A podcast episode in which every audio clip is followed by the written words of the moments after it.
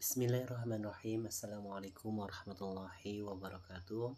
Pada kesempatan hari ini Insya Allah saya akan membahas mengenai Nasihat bagi yang sulit jodoh ya Atau nasihat bagi orang yang sedang mencari jodoh. Bagi Anda yang sudah ingin menikah, namun sulit untuk menikah atau sulit untuk menemukan calon pasangan idaman, maka renungkan dan perhatikanlah beberapa nasihat ringkas sebagai berikut. Yang pertama adalah luruskan niat menikah untuk mencari ridho Allah Subhanahu wa taala. Karena menikah adalah ibadah dan perintah dari Allah dan Rasulnya. Allah Subhanahu wa taala memerintahkan kita untuk menikah dalam firman-Nya Bismillahirrahmanirrahim وأنكحوا الأيام منكم والصالحين من عبادكم وإيمانكم إن يكونوا فقراء يغنيهم الله.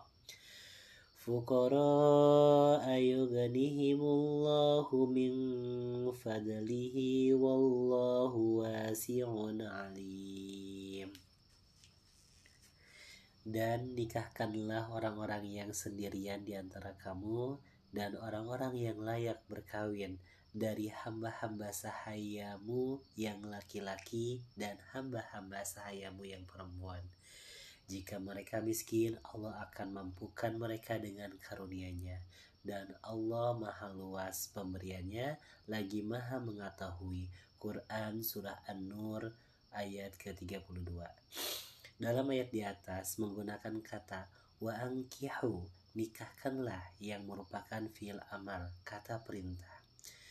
Nabi Shallallahu Alaihi Wasallam juga memerintahkan kita untuk menikah. Beliau bersabda, Ya masyarus sababi man istata'a minkum ba'ata falyatazawwaj fa innahu agadu lil basari wa hasanu lil ومن لم يستطع فعليه yastati' فإنه له وجاء Wahai para pemuda, barang siapa yang sudah sanggup menikah, maka menikahlah karena itu lebih menundukkan pandangan dan lebih menjaga kemaluan.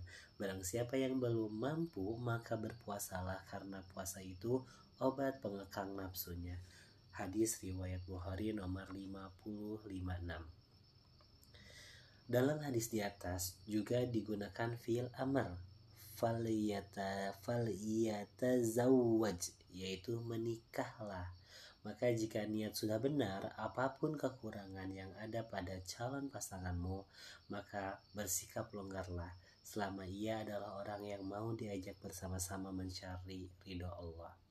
Dua, Sulit jodoh itu adalah musibah, dan musibah terjadi karena maksiat. Maka banyak-banyaklah bertaubat kepada Allah dari semua maksiat. Allah Subhanahu wa taala berfirman, "Wa ma asabakum min musibatin fabima kasabat aydikum wa ya'fu an kasir dan musibah apa saja yang menimpa kalian maka disebabkan oleh perbuatan tangan kalian sendiri.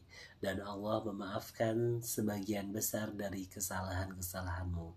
Quran Surah Asyura ayat ke-30 Akuilah semua dosa-dosa dan kesalahanmu selama ini, baik yang kecil-kecilan, apalagi dosa yang besar. Tinggalkan itu semua dan sesalilah, bertaubatlah kepada Allah, semoga Allah angkat musibah darimu. Wallahu alam biswab.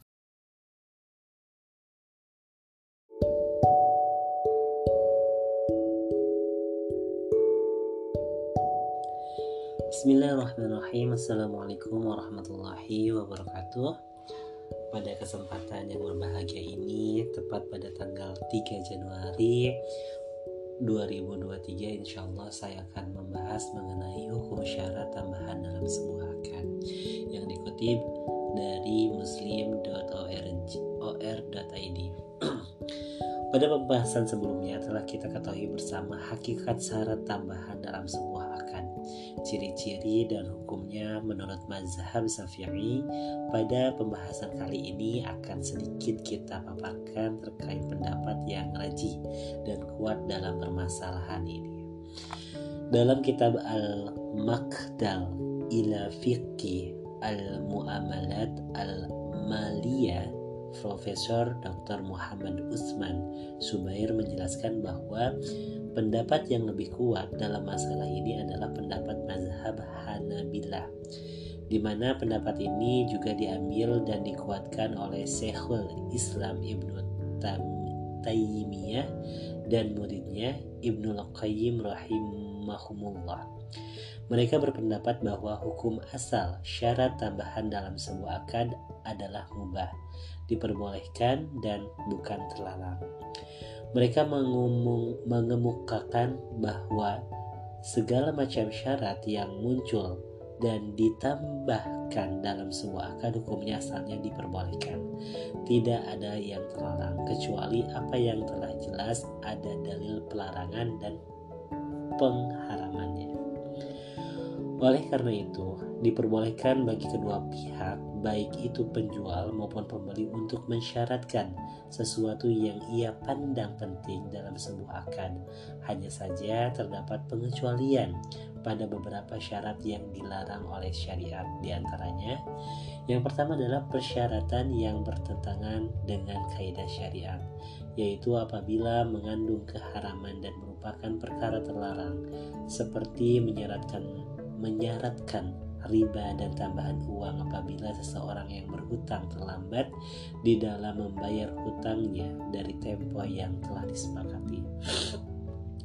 Yang kedua adalah persyaratan yang bertentangan dengan makna dan keharusan sebuah akad, seperti se seorang yang menjual mobilnya kepada orang lain, namun mensyaratkan agar mobilnya tersebut tidak boleh dikendarai atau menjual rumah namun mensyaratkan agar rumahnya tidak ditempati.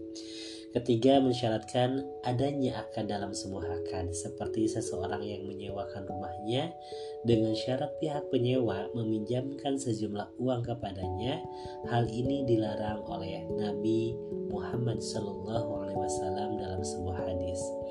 Tidaklah halal transaksi utang piutang yang dicampurkan dengan transaksi jual beli dan tidak boleh menjual barang yang boleh mil yang bukan milikmu Hadis riwayat Abu Dawud nomor 3504 dan Tirmizi nomor 1234 dan Nasai nomor 4611. Keempat, terkumpulnya dua syarat dalam satu akad, walaupun keduanya merupakan syarat yang benar dan diperoleh akan, tetapi keduanya bukan termasuk keharusan asli pada akad tersebut, seperti seseorang yang uh, membeli seikat kayu bakar, namun mensyaratkan agar penjual memotong-motongnya terlebih dahulu dan juga mengantarkannya ke rumah pembeli.